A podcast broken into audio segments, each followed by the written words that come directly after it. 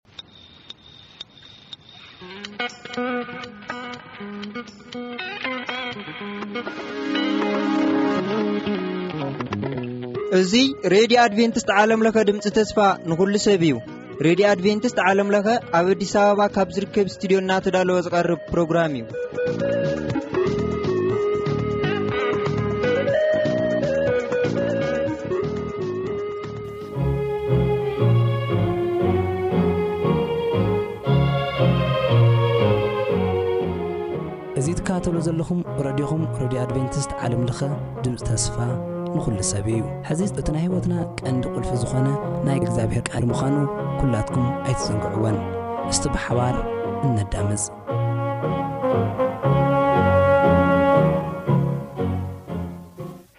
ሰላም ሰላም ከመይ ቀኒኹም ናይ ክርስቶስ የሱስ ሰላም ንዓኻትኩም ይኹን ሎማዓንቲ ናይ እግዚኣብሄር ቃል መታን ክንካፈል ከም ዝኣመሰለ ግዜን ጸጋን ስለ ዝሃበና ክብሪ ንሽሙ ይኹን ሎሚ ሓቢርና እነጽንዖ ቃል ኣብ ኢሳያስ ምዕራፍ ኣርዓ ፍቕድ ሓደ ዘሎ ንህዝበይ ኣጸናንዑ ኣጸናንዑ ይብል ኣምላኽኩም ዝብል ሓሳብ ሓቢርና ክንርኢና ቅድሚ እቲ ናብ ቃል እግዚኣብሔር ምእታውና ሓቢርና ንጸሊ።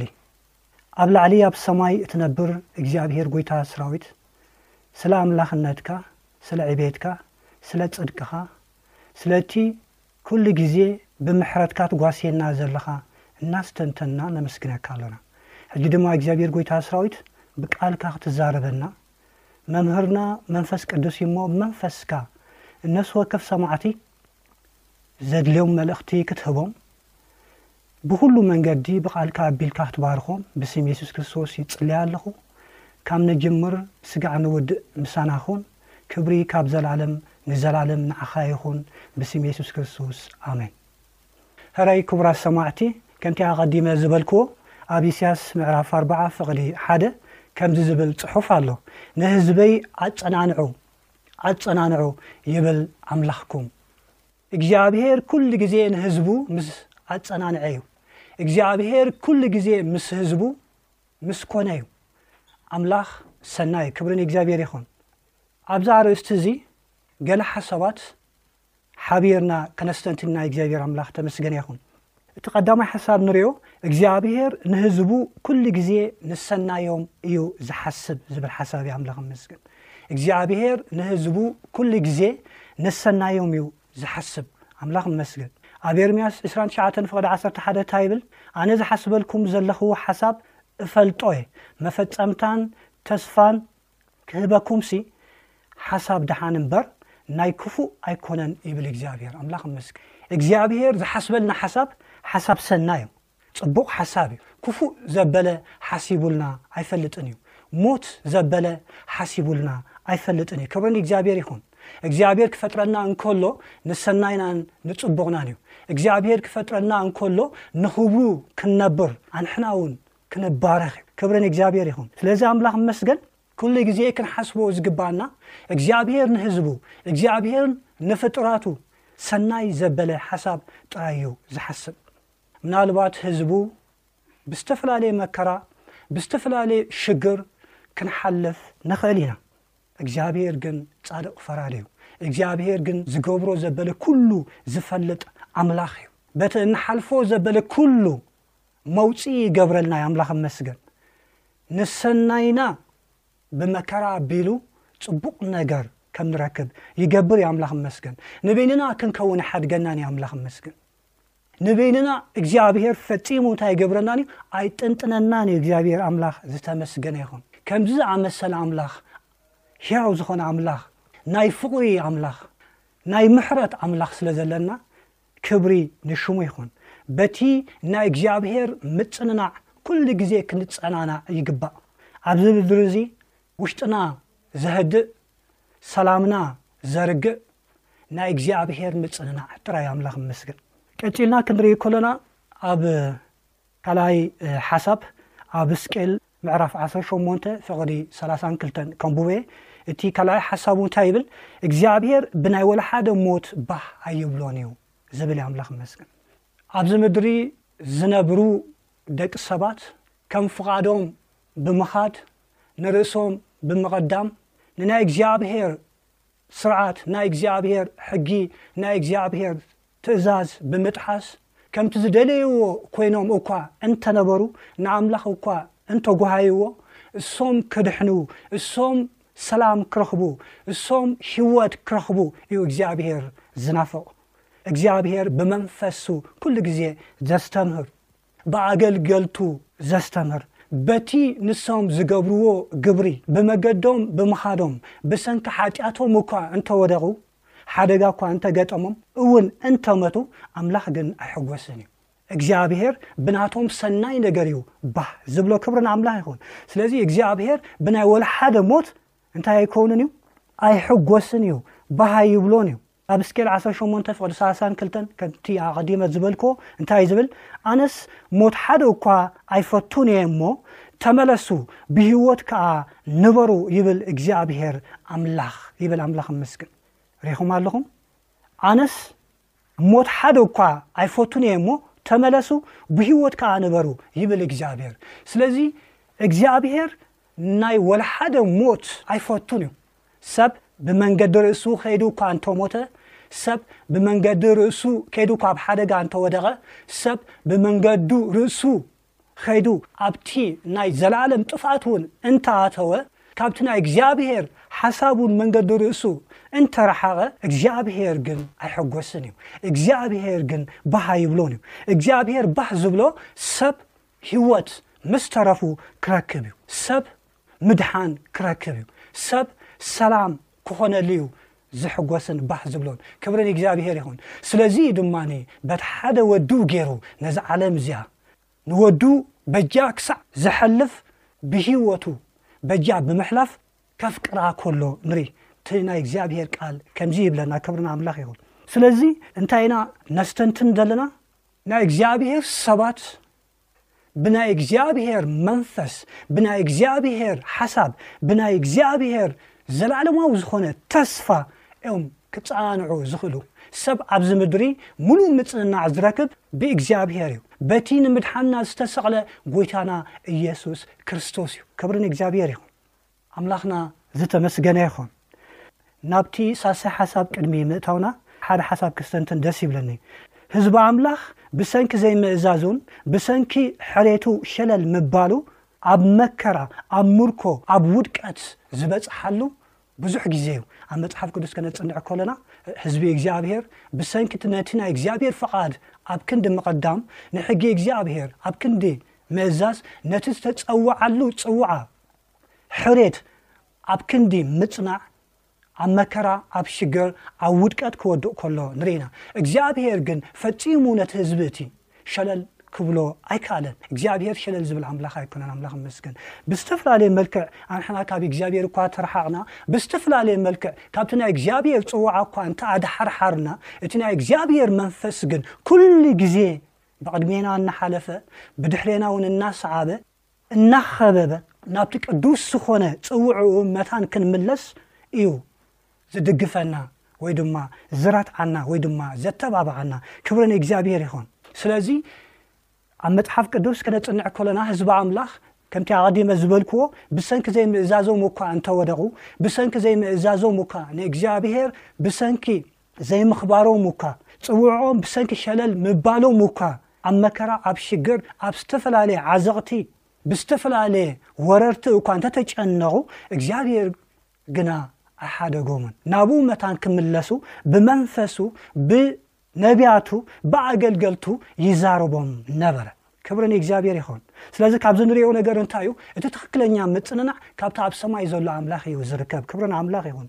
እቲ ትኽክለኛ መፍትሒ ናይ ህይወትና ናይ መነባብሮና ካብቲ ኣብ ሰማይ ዘሎ እግዚኣብሔር ጥራይ እዩ ዝመጽእ እቲ ትኽክለኛ ፍትሒ ካብ እግዚኣብሔር ጥራይ እዩ ዝመጽእ እግዚኣብሔር ኣምላኽ ዝተመስገነ ይኹን ኣብ መዝሙር ዳዊት ሚእትን ዕስራን ሽዱሽተን ካብ ሓደ ስጋብ ሽዱሽተ ክንርኢ ኮልና ከምዚ ይብል እግዚኣብሄር ንምሩኻት ጽዮን ክመልሶም ከሎ ከም ሓለምቲ ነበርና ሽዑ ኣፍና ብሰሓቕ መልሓስናውን ብእልልታ መልአ ሽዑ ኣህዛብ ነዚኣቶም እግዚኣብሄር ዓብዪ ግብሪ ገይሩሎም ተባሃሃሉ እግዚኣብሄር ዓብዪ ግብሪ ገበረልና ንሕና እውን ተሓጎስና እግዚኣብሄር ከም ንወሓይዝ ደቡብ ጌርካ ንሙሩኻትካ መለስካዮም ብንብዓት ዝዘርኡ ብእልልታ ይዓጽዱ ዘርኢ ተሰኪሙ ብብኽያት ይወፍር እንዳእቱ ተሰኪሙ ብእልልታ ይምለስ ይብል እግዚኣብሔር ኣምላኽ ተመስገን ይኹን ሪኢኹም ኣለኹም ኣብዚ እግዚኣብሔር ህዝቡ ካብ እስራኤል ብምርኮ ካብ ጆርሳሌም ብምርኮ ናብቲ ዝተፈላለያ ዝወርኦም ዝነበራ ሃገራት ክጓዓዙ እንከለዉ ማለት ክስደዱ እንከለዉ ክማረኹ እንከለሉ ኣብ መከራ ኣብ ሽግር ኣብ ዝነበርሉ እዋን እግዚኣብሔር እቲ ናይ ዘልዓለም ቃሉ እቲ ናይ ዘልዓለም ናይ ምድሓን ኣብ ልዕሊኦም ዝሓሰቦ ዓብዪ በረኸት እቲ ዝኣተወሎም ቃል ኪዳን ስለ ዘይጠልም ካብ ምርኮታቶም እንታይ ክገብሮም ከሎ ኢና ንርኢ ክመልሶም ከሎ ንርኢ ናይ ብሓቂ ኩሉ ግዜ ናይ ኮንቱ ሕልሚ ኮይንካ ክትነብር ፍቓድ ኣምላኽ ኣይኮነን። እሶም ብዛዕባ ዩሳሌም ብዛዕባ ሃገሮም ብዛዕባ ህዝቦም ካብቲ ምርኮኦም ተመሊሶም እቲ ናይ እግዚኣብሄር ፍቓድ ኣብ ሂወቶም ክፍጸም እናሓለሙን እናናፈቑን እንኮሎው ኣምላኽ ድማ ጸሎቶም ክምልስ ኮሎ ኣምላኽ ድማ ካብቲ መከሮኦም ካብቲ ምርኮኦም ክመልሶም ኮሎ ክሕጎሱን ክስሕቁን ንኣምላኽ ከመስግንዎ እንከለዉ ኢና ኣብዚ ንርኢ እግዚኣብሔር ኣምላኽ ተመስገነ ይኹን ሎሚ ክቡራት የሕዋት ናብ ናይ እግዚኣብሔር መንፈስ ክንምለስ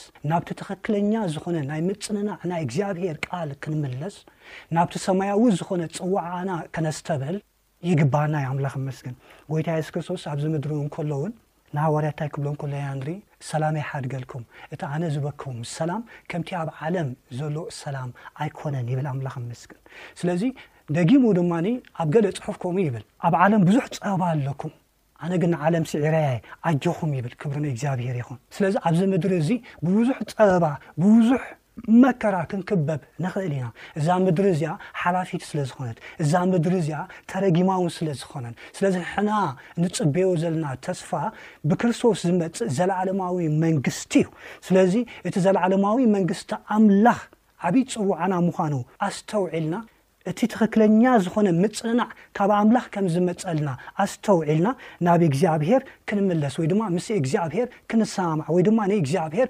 ክንውከሎ ይግባኣና እዩ። እግዚኣብሄር ኣምላኽ ዝተመስገነ ይኹን። ኣብ መጽሓፍ ቅዱስ ከነጽንዕ ከሎና ኣብ ካልኣይ ዜና መዋእል ምዕራፍ ዒስራ ካብ ሓደ ስጋብ ኣርባዕተ ዘሎ ክንሪኦ ከሎና ብሓፈሽኡ እቲ ምዕራፍ ዒስራ ብዛዕባ ሓደ ዓብዪ ጉዳይ ይዛረብ። እሱ ድማ ዮሳፋጥ ዝበሃል ናይ ይሁዳ ንጉስ ነበረ። ኣብዚ ምዕራፍ ከነጽንዕ ከሎና ብሶራውያን መንግስቲ ብሓይሊ ሰራዊት ንኽወርዎ ኣብ ዝመጽእሉ ግዜ ብልቡ ክፈርህ ከሎ ክጭነቕ ከሎ ኢና ንርኢ። እቲ ዘሐጉስ ግና ረድኤት ካብ ሰብ ኣይተጸበየን ወይ ድማ ረድኤት ካብ ካልኦት መንግስታት ኣይተጸበየን። እንታይ ደኣ ክገብር ከሎ ኢና ንርኢ? ገጹ ናብ እግዚኣብሄር ክመልስ ከሎ ንርኢ ኣምላኽ ይመስገን ሪኹም ኣለኹም ትኽክለኛ ምጽንናዕ ትኽክለኛ ረድኤት ትኽክለኛ ደገፍ ትኽክለኛ ምንጋፍ ትኽክለኛ በረኸት ወይ ድማ ትኽክለኛ ፍትሒ ካብ እግዚኣብሄር እዩ ዝመጽእ ኣምላኽ ይመስገን ከምቲ ኣቐዲመ ዝበልኮ ካልኣይ ዜና መዋልን ምዕራፍ ዒስራ ካብ ሓደ ስጋብ ኣርባዕተ ከምዚ ይብለና ብስም የሱስ ክርስቶስ ከም ቡበ ኮነኻ። ድሕሪ እዚ ደቂ ሞኣብን ደቂ ዓሞንን ንሳታቶም ድማ ካብቶም ዓሞናውያን ንዮሳፋጥ ክወግእዎ መጹ። ዮሳፋጥ ከምዚ ኢሎ ነገርዎ፣ ከምዚ ኢሎም ዝነግርዎ ሰባት ከኣ መጹ፣ ካብ ማዕሮ ካብ ማዕዶ ባሕሪ ካብ ሶርያ ብዙሕ ሰራዊት ይመጸካ ኣሎ፣ እነዉ ድማ ኣብ ሓጻጾን ታማር ኣለዉ፣ ንሳ ዔን-ግዲ እያ ይብለና። ብድሕሪኡ እንታይ ይብል? ሽዑ ዮሳፋጥ ፈርሀ እሞ ንእግዚኣብሄር ክደልዮ ገጹ መለሰ፣ ኣብ ብዘሎ ይሁዳውን ጾም ኣወጀ። ይሁዳ ኸኣ ረድኤት ካብ እግዚኣብሄር ክደሊ ተኣከበ፣ እወ፣ ካብ ኵለን ከተማታት ይሁዳ ንእግዚኣብሄር ክደልይዎ መጹ ይብለና። ኣምላኽ ይመስገን። ናይ ብሓቂ በዚ ናይ እግዚኣብሄር ሰብ ዝዀነ ንጉስ ዮሳፋጥ ናይ ይሁዳ ንጉስ ብጣዕሚ እየ ዝመሃር ብጣዕሚ እየ ከኣ ባህ ዝብለኒ ካብዚ ዝረኽቦ ወይ ድማ ዝረኸብክዎ ትምህርቲ ኣዝዩ ብሉጽ እዩ እቲ ሓደ እንታይ እዩ ብዝተፈላለየ ጭፍራታት ብዝተፈላለየ ማዕበላት ብዝተፈላለየ መከራታት እኳ እንተ ተኸበብካ ናብቲ ኩሉ ዝኽእል እግዚኣብሄር ኣምላኽካ ቅድሚ ሕጂ ብዝተፈላለየ መልክዕ ዝጓስየካ ዝነበረ ኣምላኽ ክትዝክሮን ክትውከሎን ረድኤት ካብኡ ክትጽበ ጾም ጸሎት ክትእውጅ ተንበርኪኽካ ክትጽሊ ከም ዝግባእ እዩ እግዚኣብሔር ኣምላኽ ተመስገነ ይኹን እግዚኣብሔር ኣብ ህይወትና ዝፍጸም ዘበለ ኩሉ ይፈልጦ እዩ ሰይጣን እቲ ንክፉእናን ንውድቀትናን ንጥፍኣትናን ዝሓስብ ኩሉ ግዜ ዝነቅሕ ጸላኢ ከም ዘለና ክንፈልጥ ይግብኣና እዩ። ብኡ መጠን ድማ እቲ ንውድቀትና ዘይፈቱ፣ ንሰናይና ዝብህግ፣ ንሰላምና ዝናፍቕ እግዚኣብሄር፣ ንጽቡቕና ዝናፍቕ እግዚኣብሄር ኩሉ ግዜ ናባና ይጥምት ምዃኑ ክንኣምን ይግብኣና እዩ። ክብሪ ንእግዚኣብሄር ይኹን። ስለዚ እዚ ንጉስ እዚ እንታይ ክገብር ከሎ ኢና ንርኢ? እዞም ጭፍራ እዚኦም ምስ መጹ ዓቕሉ ጸቢብዎ ሰባት ኢና ብዝተፈላለየ መልክዕ ክንፈርሕ ክንስብድ ንኽእል ኢና ግና እንታይ እዩ ልብና ከነጥፍእ ኣይግባእንን ኣይግባእን እዩ እምነት ከነጉድል ኣይግባእን እዩ ኣብ ናይ ምጥርጣር መንፈስ ክንኣቱ ኣይግባእን እዩ እንታይ ደኣ ገጽና ህ ናብ እግዚኣብሄር ክንመልስ ይግባእ ክብሪ ንእግዚኣብሄር ይኹን እግዚኣብሄር ርእ ክንብሎ እግዚኣብሄር ፍትሒ ካባኻ እዩ ዝወፅእ ክንብሎ እግዚኣብሄር ኩነታትና ንስኻ ትሪኦ ኣለኻ ክንብሎ እንከሎና እግዚኣብሄር ይሰምዕ እዩ ኣቐዲሙ ውን ጸልዩ ኢሉና ኣሎ። ለምኑ ኢሉና ኣሎ። ኣባይ ተወከሉ ኢሉና ኣሎ። ክብሪ ንእግዚኣብሄር ይኹን። ስለዚ እታ ክገብር ከሎ ኢና ንርኢ ዮሳፋጥ ኣብ ቅድሚ እግዚኣብሄር ረድኤት ንኽረክብ ናብኡ ገጹ መለሰ። ጾም ጸሎት ድማ ኣብቲ ማሕበር ወይ ድማ ኣብቶም ህዝቢ ኣምላኽ ኣወጀ።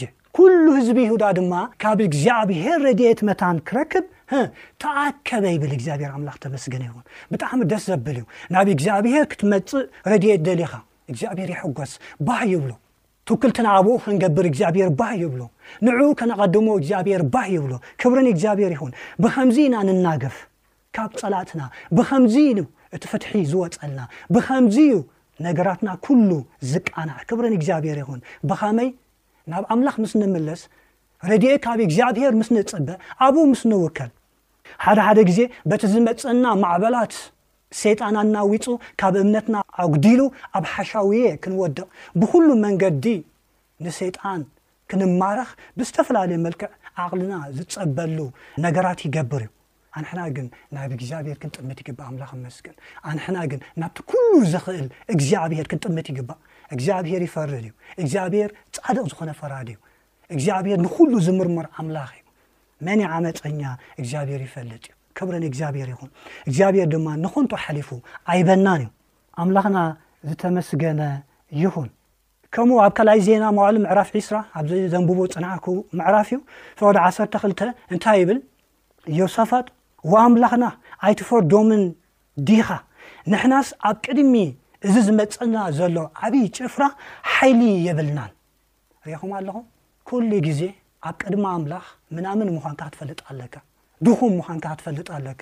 ብርቱዕ ክትከውን እንተ ደሊኻ መንፈስ እግዚኣብሄር ክበዝሓልካ ኣሎ፣ ጸጋ ኣምላኽ ክበዝሓልካ ኣሎ፣ ሓይሊ ኣምላኽ ክበዝሓልካ ኣሎ፣ ኢድ እግዚኣብሄር ምሳኻ ክትከውን ኣለዋ። ክብሪ ንኣምላኽ ይኹን። እወ ኣምላኽና ኣይትፈርዶምን ዲኻ ኢሉ፣ በዚ ዝመጸና ዘሎ ዓቢ ጭፍራ ሓይሊ የብልናን ኢሉ። ኣብ ቅድሚ እግዚኣብሄር መንነትካ ምፍላጥ፣ ድኹም ምዃንካ ምፍላጥ፣ ዓቕምኻ ምፍላጥ ሰናይ እዩ። ንእግዚኣብሄር ጉዳይካ ኩሉ ምሕላፍ ሰናይ እዩ፣ እግዚኣብሄር ድማ ውግእካ ይዋጋኣልካ። ክብሪ ንእግዚኣብሄር ይኹን። ቀጺሉ ሽዑ እንታይ ይብል? እንታይ ከም ንገብር ከኣ ኣይንፈልጥን ኢና ኢሉ። እንታይ ከም ንገብር፣ ብኸመይ መንገዲ ኢና ንከላኸሎ ነዚ ዝመፀና ዘሎ ዓብዪ ጭፍራ ልዕሊ ዓቕምና ዝኾነ ኣሕና ዝሓሰብናዮ ናጤባ ወሪድና ኣሎ ኩሉ ግዜ ብዝተፈላለየ መልክዕ ንግፋዕ ኣለና እዚ ዝመፀና ዘሎ ሰራዊት ድማ ልዕሊ ዓቕምና እዩ እንታይ ከም ንገብር ኣይንፈልጥን ኢና ኢሉ ግና የዒንትና ናባኻ ይጥምት ኣለዋ ኢሉ ኣምላኽ መስገን ኣሕዋቴ ብዝመፀና ዝተፈላለየ ነገር ልዕሊ ዓቕምና ዝኾነ ጉዳይ ናብ እግዚኣብሔር ክንጥምት ከሎና ወገና ስዋጋልና ኣምላኽ መስገን እንታይ ከም ንገብር ድማ ሕሹኽ ይብለና ኣምላኽ መስገን ምኽሪ ይበና ኣምላኽ መስገን ምስትውዓል ኣእምሮና ከፊቱ ክንገብሮ ዝግባኣና ነገር ይዛረበና ኣምላኽ መስገን እግዚኣብሔር ብብዙሕ መንገዲ ይዛረብ እግዚኣብሔር መስገን ብመላእኽቱ ይዛረብ ዩ ኣምላኽ መስገን ብመንፈሱ ይዛረብ ዩ ኣምላኽ መስገን ብኣገልገልቱ ይዛረብ ዩ ኣምላኽ መስገን ክብረን እግዚኣብሔር ይኹን ስለዚ ነቲ ጽዋዕና ሸለል ከይበልና ብዝገጥመና ዓቐበ ቁልቁሎት ወይ ድማ ብዝገጥመና ናይ ማዕበላት ነውጺ ልብና ከይሰንበደ ካብ እምነት ከይዘንበልና ንእግዚኣብሔር ክንጥምቶ ናብ ኣምላኽ ቁሊሕ ክንብል እግዚኣብሔር ይደልየና ዩ ኣምላኽ ይመስገን ኣብ መወዳእታ መዝሙር ዳዊት ቴስዓን ኣርባዕተን ፍቕዲ ዓሰርተ ትሽዓተ ከንብብ እየ እንታይ ይብል ጓሂ ልበይ ኣብ ውሽጠይ ምስ በዝሐ ምጽንናዕካ ንነፍሰይ ኣሓጎሳ ይብል ኣምላኽ ይመስገን ከምቲ ኣቐዲመ ዝበልክዎ ጎይታ እውን ዝተዛረበና ኣብዚ ምድሪ እዚ ክንነብር ከለና ብዙሕ ጸበባ ብዙሕ መከራ ኣሎና ካብ ፈተወትና ዝመጽእ ጸበባ ኣሎ ካብ ጸላእትና እውን ዝመጽእ ጸበባ ርጉጽ እኳ ተኾነ ብዝተፈላለየ መልክዕ ዝኸበና ጸበባታት ንእምነትና ከውድቆ ኣይግባእን እዩ ክብሪ ንእግዚኣብሔር ይኹን። ብጓሂ ክንጭነቕ ንኽእል ኢና ግን እቲ ናይ እግዚኣብሔር መንፈስ ንልብና ከም ዘህድኦ ክንኣምን ይግባእ እዩ ክብሪ ንእግዚኣብሔር ይኹን። ናይ እግዚኣብሔር ምጽንናዕ ኣዝዩ ኣዝዩ ኣብ ህይወትና ፈውሲ ዘለዎ ምጽናዕ እዩ ዝገብር ኣምላኽ መስገን ፍትሒ ዘለዎ ምጽናዕ እዩ ዝገብር ኣምላኽ መስገን ናይ እግዚኣብሔር ምጽንናዕ ዘለኣለማዊ እዩ ናይ ሰባት ምጽንናዕ ግዜያዊ እዩ ሰባት ንፉዓት ስለ ዝኾኑ ፍቕሪ ኣምላኽ እውን ስለ ዝበዝሓሎም፣ ጽቡቕ ነገር እውን ስለ ተረድኡ፣ ከጸናንዑኻ ይፍትኑ እዮም። ምጽንናዖም ጽቡቕ እዩ። መፈጸምታ ምጽንናዕ ሰናይ ዘለዎ ግን ናይ እግዚኣብሔር ምጽንናዕ እዩ። ክብሪ ንእግዚኣብሔር ይኹን። ስለዚ ብጎይታ ክንጸናናዕ ይግብኣና እዩ። ብእግዚኣብሔር ክንጸናናዕ ይግብኣና እዩ። እቲ ኩሉ ዝኽእል ኣምላኽና ነቲ ዝደለዮ ንኽገብር ዝኸልክሎ ዘይከእል ህያው ዝኾነ ኣምላኽና ኩሉ ግዜ ምሳና ከም ዝኾነ ክንኣምን ይግብኣና እዩ የዕንትና ናብ እግዚኣብሄር ምጥማት ከነቋርፅ ኣይግብኣናን እዩ ክብሪ ንእግዚኣብሄር ይኹን ስለዚ ሎማዓንቲ በቲ ዘለዓለማዊ ዝኾነ ምፅንናዕ ተፀናኒዕኩም ክትከኑ ኣብ ጎይታ የሱስ ክርስቶስ እምነት ኣሎኒ ሎሚ ልብና ንጎይታ ንኽፈተሉ እቲ ዘጸናንዕ ዝኾነ እቲ ኣዝዩ ዘጸናንዕ ናይ እግዚኣብሄር ቃል ኣብ ልብና ኣትዩ ሰላም ከብዝሕ ነገርና ዘበለ ኩሉ ንሰናይ ክገብሮ ዝኽእል ስልጣን ስለ ዘለዎ ብእምነት ክንቀበሎ ከተሓሳስበኩም እፈቱ። ክብሪ ንእግዚኣብሄር ይኹን በዚ ዝጸነሐና ናይ እግዚኣብሄር ቃል ተባሪኽኩም ክትኮኑ ኣብ እግዚኣብሄር ኣብ ጎይታ እምነት ኣሎኒ። ከምቲ ብጸሎት ዝጀመርናዮ ብጸሎት ድማ ክንውድኦ ወሰንና እዩ እሞ ስለቲ ዝተዋህበና ቃል ሒደት ደቓይቕ ክንጽሊ ፍቓድ ኣምላኽ እዩ ንጸሊ። እግዚኣብሔር ኣቦ ነመስግነካ ኣሎና እግዚኣብሔር እስኻ ኩሉ ግዜ ኣብ ጎድኒ ህዝብኻ ስለ ዝኾንካ ንባርኸካ ኣሎና እቲ ናትካ ምጽንናዕ ኣብ ውሽጥና ህይወት ስለ ዝፈጥር ሰላም ስለ ዝፈጥር እግዚኣብሔር በዚ እትበና ምጽንናዕን ጸጋ ምሕረትካን ኣዚና ነመስግነካ ኣሎና። ሎሚ ንህዝብኻ ተጸናንዕ ብስም የሱስ ክርስቶስ እጽሊ ኣለኹ።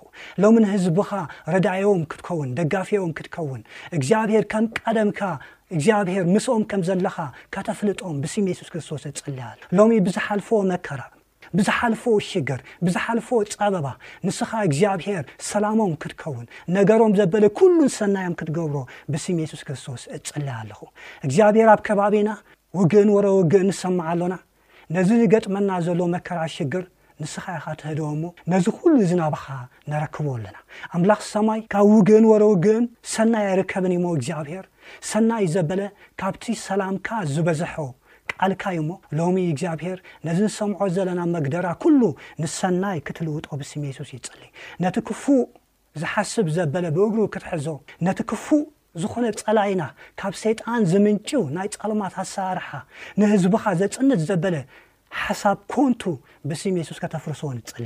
ኣምላኽ ሰማይ ከም ቃልካ ስለ ዘጸናናዕካና ነምስግነካ ኣሎና። ተሪፉ ዘሎ ዘበና ኩሉ ንስኻ ክበረሉ። ሓጢኣትና ይቕረ ኢልካ ጸጋኻ ኣብዝሓልና። ብስም የሱስ ክርስቶስ